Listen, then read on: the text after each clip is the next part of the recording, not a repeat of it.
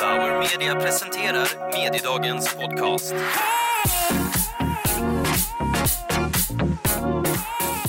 Hej och välkomna till Mediedagens podd som presenteras av Bauer Media. Jag heter Daniel Sassi och idag ska vi träffa inspirerande talare på Dagens Medias event Mediedagen.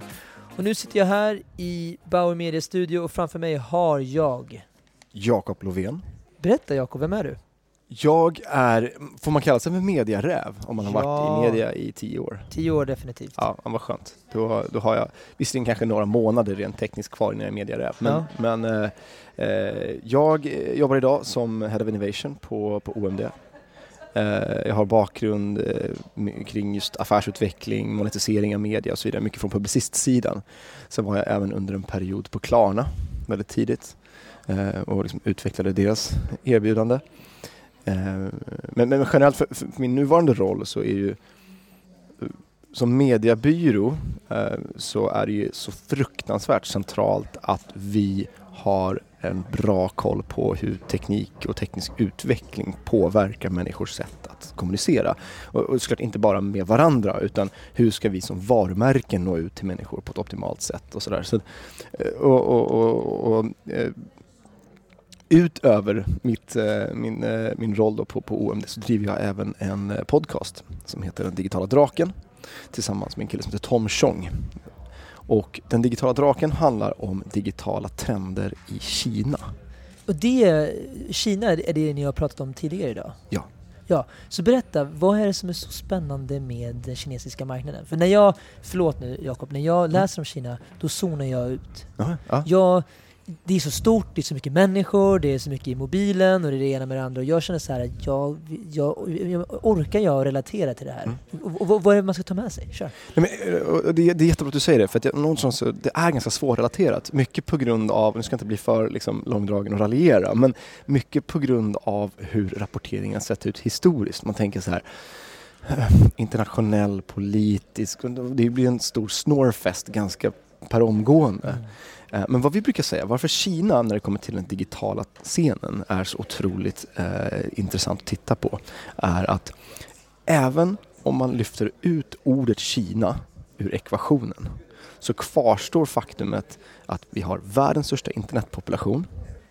Vi har ett online-beteende som är 5 till 10 år före oss i väst tack vare att det inte fanns en legacy. Mm. Och det är världens näst största venture capital-marknad när det kommer till digitala tjänster och tech. Mm. Så, så här, strax efter Silicon Valley. Mm. Så jag tror ingen skulle ifrågasätta varför någon tittar på Silicon Valley och försöker förstå var, var världen är på väg någonstans. Så tänk dig det fast även med ett mer avancerat användarbeteende. Om vi bara ska stanna i, i, i liksom mina tankar kring Kina. Kan det vara det här äh, med de här reglerna och, och myndigheterna och den här väldigt regler, reglerade marknaden som gör att jag känner så här, ah, Kina jag kan inte liksom ehm, relatera till den marknaden. För att det är så pass mycket, allt, allt liksom landar i den här WeChat-appen till exempel, som vi ska prata om alldeles strax Ja, också. just det.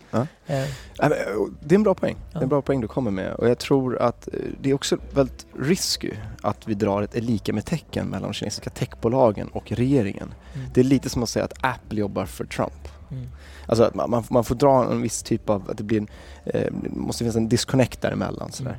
Ehm, och det är klart att Kina har eh, väldigt, man pratar om privacy och, och data och sådana saker så finns det liksom hela Big Brother-perspektivet på en, en regim.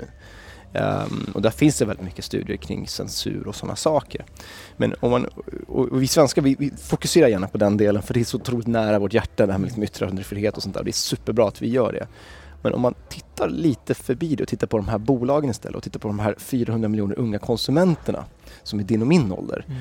eh, födda på 80 eller 90-talet, så kan man lära sig så fruktansvärt mycket. Mm. Så det handlar mycket om att liksom komma förbi den barriären. Vad, är för, vad är det för typ av insikter, om vi kan bara ge några enkla insikter som du tar med, eh, har tagit med dig som är ganska lätta för oss i Sverige att relatera till, eller som vi liksom förvånas över? Nej, Finns men, det några eh, sådana? Ja, det finns, det finns en, en, uppsjö av insikter skulle jag säga från, från, liksom, från det mesta, den största insikten som är lite tråkig för oss svenskar är ju någonstans att man förstår hur nischad målgruppen svensk är. Okej. Vi har ju lätt, man lätt att man projicerar sina värderingar på världen omkring sig och tänker att människor är av, lite avundsjuka på svenska modellen, eller hur? Ja, ja, men Det är verkligen. så här, vi har yttrandefrihet, Ja, vi har demokrati, alla de här sakerna, vilket är toppen. Vi har ju det här. Vi har Swish, vi har mobilt Vi har bank-id. IKEA, vi har Ja. H&M och så vidare. Och så reser man runt i Kina och så till att börja med så får man gratulera till vilka fantastiska klockor du tillverkar och, och chokladen du gör är ju grym, säger man. Ja. Man säger att man är från Sverige. Ehm, så någonstans är det så här att, att dels så, så tror jag vi kan överdriva lite vår, vår roll i världen, vilket är ganska bra. Det är ganska bra att vi är lite e- ego och sådär. Mm. Men, men ehm, om, man, eh, om, man, om man ser förbi den grejen, så det här med liksom att, vi, att prioritera våra värderingar gör ju att vi kan bli liksom lite förblindade av ehm, hur världen faktiskt ser ut. Vi tänker att så här, en global mainstream är samma som en norsk mainstream. Mm. Vi pratar pensionslån och bostadssparande. Ja. Men så är det ju inte. Nej. En global mainstream person, om vi ska bygga bolag i framtiden, om vi ska bygga nästa generation av Spotify och Klarna och så vidare, Skype som tar en global position, då måste de ju fatta en global mainstream-konsument. Eh, inte utgå från ett svenskt beteende. Nej. Det är, så lätt, det är så lätt att göra det, för om man, om man är insiktsdriven och, och baserar sina idéer på, på insikter så landar man oftast i, i svensken. Ja. Och det är väldigt svårt att relatera till eh, liksom ungdomar i, i, i Kina. Men Mm. eh, de, du, ni pratar någonstans om att de är 5-10 år före oss i, i sitt beteende. Ge mig några exempel. Absolut viktigaste exemplet är ju mobilen. Mm. Ehm, och, och, ehm, om man tittar på att det inte finns något legacy i Kina. I, I Sverige så, om man tittar på, man gick från kontantsamhälle till kreditkortssamhälle och nu har vi på att göra någon form av transformation till någonting nytt. Alltså vi tycker att Swish är liksom the bee's knees och alla är superglada. Det är en ballapp. Det, det är ju en ballapp, Ja. eller hur? Ehm, till att börja med så, den typen av tjänster, det är inte en nyhet i Kina. Den är liksom inbyggd på så många olika sätt. Ehm, därför att man fann det här kreditkorts liksom, mellansteget, det hände aldrig i Kina. Eh, och det är lite också sån här, mm, lite klyscha inom mediebranschen, man pratar om att vissa, vissa länder hoppade över desktop-generationer och blev Mm. mobile first och sånt där. Eh, Kina är mobile only på så sätt. Så Okej. att, att när det inte finns ett offline-alternativ, då får ju även online-alternativet ett högre kulturellt värde än till exempel i väst. Så datingtjänster till exempel i väst är lite coolt, det är lite så här sprinkles on top på vår datingupplevelse. Men det finns offline-alternativ för att vi har en lång tradition av dating och så vidare. Ja. Kina har inte riktigt samma liksom, samma offline-infrastruktur för till exempel dating och då får en dating-app ett sjukt hög user adoption rate, går Ja. bara liksom från 0 till 100 på ingen, på ingen tid alls. Och det får ett högre kulturellt värde för den här unga konsumenten, precis som betalningslösningen. För tidigare så var, liksom, var det cash eller ingenting. Plötsligt nu så kan vi faktiskt börja genomföra transaktioner. Vi kan liksom ta tillbaka makten över våra liv genom digitala tjänster. Och, och det kulturella värdet tror inte jag vi har förstått riktigt i väst. Nej. Och, och genom det här liksom, kulturella värdet, om man säger så, där ser man ju också beteendet. Alltså, no legacy gör att man kan hoppa över några steg och då liksom leapfroggar de över till, till någonting eh, nytt. Då. Och mycket av det här landar i då den här appen WeChat som Mm. man har fått höra om i nästan, ja, väldigt många år. Mm. Eh, kan du inte bara liksom ge oss en liten liksom intro till vad den här appen är och, och för någon som kanske inte känner till vad, vad, vad det handlar om? Just det. Nej, men egentligen, om, om vi backar lite, en liten eh, Mm. bit bara. Så, eh, Ehm, de, det finns några väldigt stora bolag i, i eh, Kina och det är Alibaba som många känner till som började som en e-handelsjätte och nu som ett alfabet är till Google egentligen. De gör liksom allt, självkörande bilar och AI och så vidare.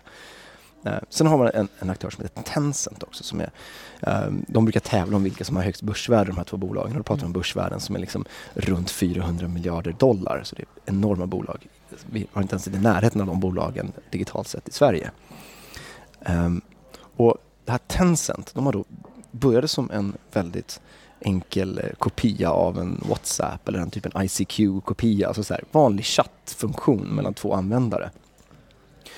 Och ehm, började väldigt opportunistiskt bygga ut det ekosystemet med ja, men en sak som var väldigt viktig för dem att bygga ut det var Swish. De såg att människor ville liksom skicka pengar till varandra för att man var skyldig någon för man hade käkat en lunch Ja. eller vad det nu var för någonting eller till släkt och vänner över nyår och sådär. Så så här, men varför kan de inte göra det via vårt ekosystem? Så väldigt opportunistiskt tänkt, hur bygger vi en bank? För att vi har fångat en sak som är så otroligt central när man pratar om internet och det är user attention. Mm. Alltså om jag fångar användarupplevelsen, om jag blir gatekeeper till, till massa andra tjänster eh, genom att jag just har fångat spent time. Det är det opportunistiska i det. Ehm, så WeChat egentligen, det började som en, som en kommunikationsapp. Nu kan man inte jämföra med något annat än ett operativsystem. Så jag öppnar WeChat, jag hör av mig till Tom eller till dig och jag, Mm. jag, vi mässar. Jag säger att, men vet du vad, ska vi ses på den här restaurangen? Då kommer det liksom, när jag skriver namnet på restaurangen så kommer det upp en, en enkel bokningsfunktion. Vill du boka bord på den här restaurangen? Ja. Ehm, sen skriver jag till motsvarigheten till Uber från WeChat i ett messagingfönster. Pick me up. Då kommer en Uber och plockar upp mig här utanför. Jag behövde aldrig ladda ner Ubers app. Men Uber har ju på något sätt fått business av den här appen då helt Mm. enkelt. Och det här ser man om och om igen. Att man bygger ett ekosystem som centrerar kring messaging. Och det är det WeChat har gjort så fantastiskt coolt och det är det vi ser nu att Facebook till exempel kopierar med, de pratar om bots for Messenger och Messenger for Business och sånt där. Att, ehm, vi brukar liksom, inte ens skämtsamt säga det, men vi brukar verkligen så allvarligt säga att de, på Facebooks F8 de senaste två åren så är det så fruktansvärt tydligt att de har kopierat WeChat rakt av. För de ser att vår annonseringsmodell är hotad på sikt på grund av adblockers. Vi måste hitta nya liksom, sätt att, att få in intäkter såklart. Och Facebook ser det som här, men här kan vi faktiskt disrupta retailmarknaden. Vi kan disrupta, eh, hela App Store behövs ju inte om folk inte Nej. behöver ladda ner Ubers app. De kan bara skriva direkt från Facebook Messenger till Uber och säga pick me up. Mm. Så, så här, det är det som är storheten med WeChat. För att komponenten när allting kan bli viralt också ovanpå det här, Mm. då blir det rätt ballt. Liksom. Jakob, jag tycker du beskrev, jag har nog aldrig hört någon beskriva WeChat så, så grundligt och bra. Framförallt som ett, som ett operativsystem. Så väldigt, väldigt eh, snyggt. Och väldigt också eh, intressant att amerikanska bolag tittar på Kina och eh, liksom följer efter. För annars brukar det ju vara att någonting slår i, i Europa eller USA och sen så Mm. finns det alltid en Kina-kopia några veckor senare. Ja, ja. Eh, för Uber-exemplet är ju en... Eh, Uber i Kina är ju, heter Didi heter de. Diddy, Ja. exakt. Ehm, men ser du många sådana exempel där, där USA eller Silicon Valley eh, kopierar Kina? Ja, både ja och nej. Alltså, det är fortfarande så att så här, Silicon Valley när det kommer till så här, sättet man utvecklar digitala tjänster är väldigt specifikt. Det är väldigt speciellt. Alltså, I Silicon Valley är det så här, du tar in sjukt mycket talang, du dammsuger världen för massa cool talang som ska sitta runt ett bord och komma på nästa användarbeteende. Ehm, och eh, i Kina är det mycket mer så här, I mean, okay, vi lägger ut någon form av eh, liksom eh, MVP-produkt, alltså det absolut enklaste vi behöver släppa. Därför att i Kina har många av de här bolagen, framförallt de här stora, har tillgång till så fruktansvärt mycket användare. Så, så här, om du kan få 10 miljoner användare dag ett, då är det ju snabbare för dig och mer pragmatiskt för dig som bolag att utveckla en sjukt enkel tjänst, få 10 miljoner användare dag ett, direkt börja tagga dem, liksom tanka dem på data för vad de faktiskt vill ha härnäst och, och hur man ska utveckla tjänsten och sen bygga vidare än att vi ska sitta i 12 månader och försöka spåna om vad användaren kanske vill ha. Så den typ pragmatiska innovationsmodellen är nog mer kinesisk och den bör man se att så här, på grund av dess framgång så bör man se fler amerikanska bolag liksom anamma den. Men det är lite growth hacking eller? Väldigt mycket growth, Eh, men, growth men, hacking. men, är, men så, så du menar att kineserna, eh, i Kina, alltså utvecklarna i Kina är väldigt, väldigt duktiga på growth hacking som ändå är ett, ett begrepp myntat i Silicon Valley i sättet att arbeta i sådana typer av team? Ja, Och, och sen följdfrågan på det är så här, Mm. ser vi mycket talang komma från Kina och så här, hur ska man som svensk förhålla sig till det? Och, så här, man, Nej, men jag tror att vi, vi ligger helt risigt till på sikt utifrån alltså, talang som ska bygga framtidens nya tjänster. Dels för att ja, men, vi, har, vi är ju ganska underlägsna. Alltså, vi, Sverige har 10 miljoner besökare, äh, besökare mediaskadad. Eh, Sverige har 10 miljoner invånare.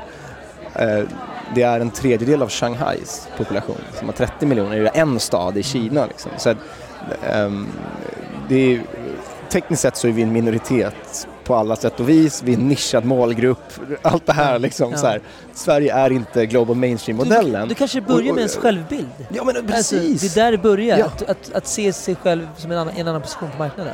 Jag Ja. tror det. Framförallt, jag hörde någon säga någonting, det låter lite klyschigt. Liksom, argue like you're right, ask questions like you're wrong. Och det är lite den grejen som vi måste typ fatta, den sista grejen. Så här, vi kanske måste börja ställa frågor i Sverige som inte är baserade på att vi vet bäst. Det är nog första grejen. Nu blir det Ja. lite filosofiskt, jag vet. Ja. Men andra grejen är att så här, 400 miljoner unga människor som är födda på 80-talet eller senare som har börjat liksom få konsumtionskraft i Kina. De har Ja. moderna utbildningar, de blir pushade i skolan mycket hårdare än dig och mig. Vi har haft det jävligt soft i jämförelse, liksom, rent krasst. Och um, så, liksom, humankapitalet, om man tittar på Kinas framtid som stormakt, ligger ju inte nödvändigtvis i liksom produktionen och konstruktion som man legat i tidigare, utan där ser man ju så här, det är snarare ganska mycket nu överkapacitet på det området.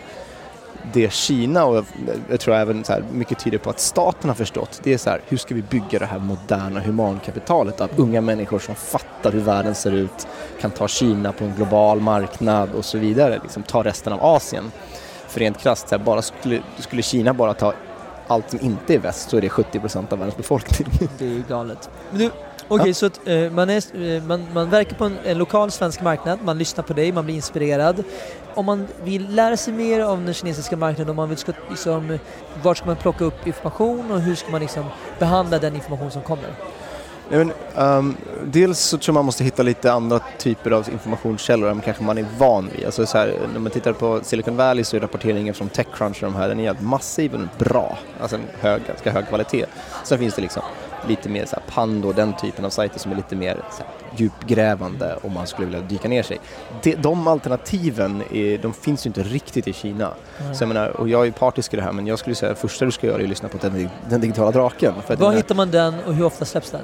så vi släpper väldigt mycket, vi släpper temaavsnitt. Så vi har inte satt en, en, en liksom, hur ofta vi släpper den. Nej. Men vi har väl nu någonstans så försöker vi snitta någon gång i månaden. Eh, vi lägger ner ungefär 100 timmar i research per avsnitt. Det är galet.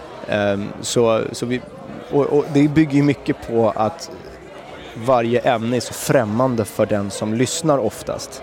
Ehm, och det finns en liksom global analys att titta på så här Silicon Valley-bolagen. Man kan inte bara isolera titta på Kina, man måste liksom förstå de globala implikationerna av varje ämne. Så vi har gjort avsnitt som handlar om e-handel, eh, vi har gjort avsnitt som handlar om liksom, snarare den första uppkomsten av de här digitala generationen av, av bolag. Vi eh, har ett avsnitt som handlar om den nya moderna konsumenten, vi har om messaging, om WeChat och sådär. Så att, eh, vill man få en pedagogisk liksom, grund till det hela så, så givetvis, nu är jag partisk, men då ska man lyssna Ja, på det här. Ehm, och, eh, och sen så finns det ju Tech in Asia, det finns, eh, mitt favoritexempel är ju bara att gå in på Quora, ställa en fråga Ja. och se hur många som faktiskt liksom tar, som, som, eh, som nappar. Eller för den delen följ massa intressanta Kina-kännare som har koll på textscenen i Kina på Quora. Mm. Ehm, ja, det kan vara första stegen Mm. helt enkelt för människor Grymt. att sätta sig in i det. Jakob, stort tack! Tack själv. Ja.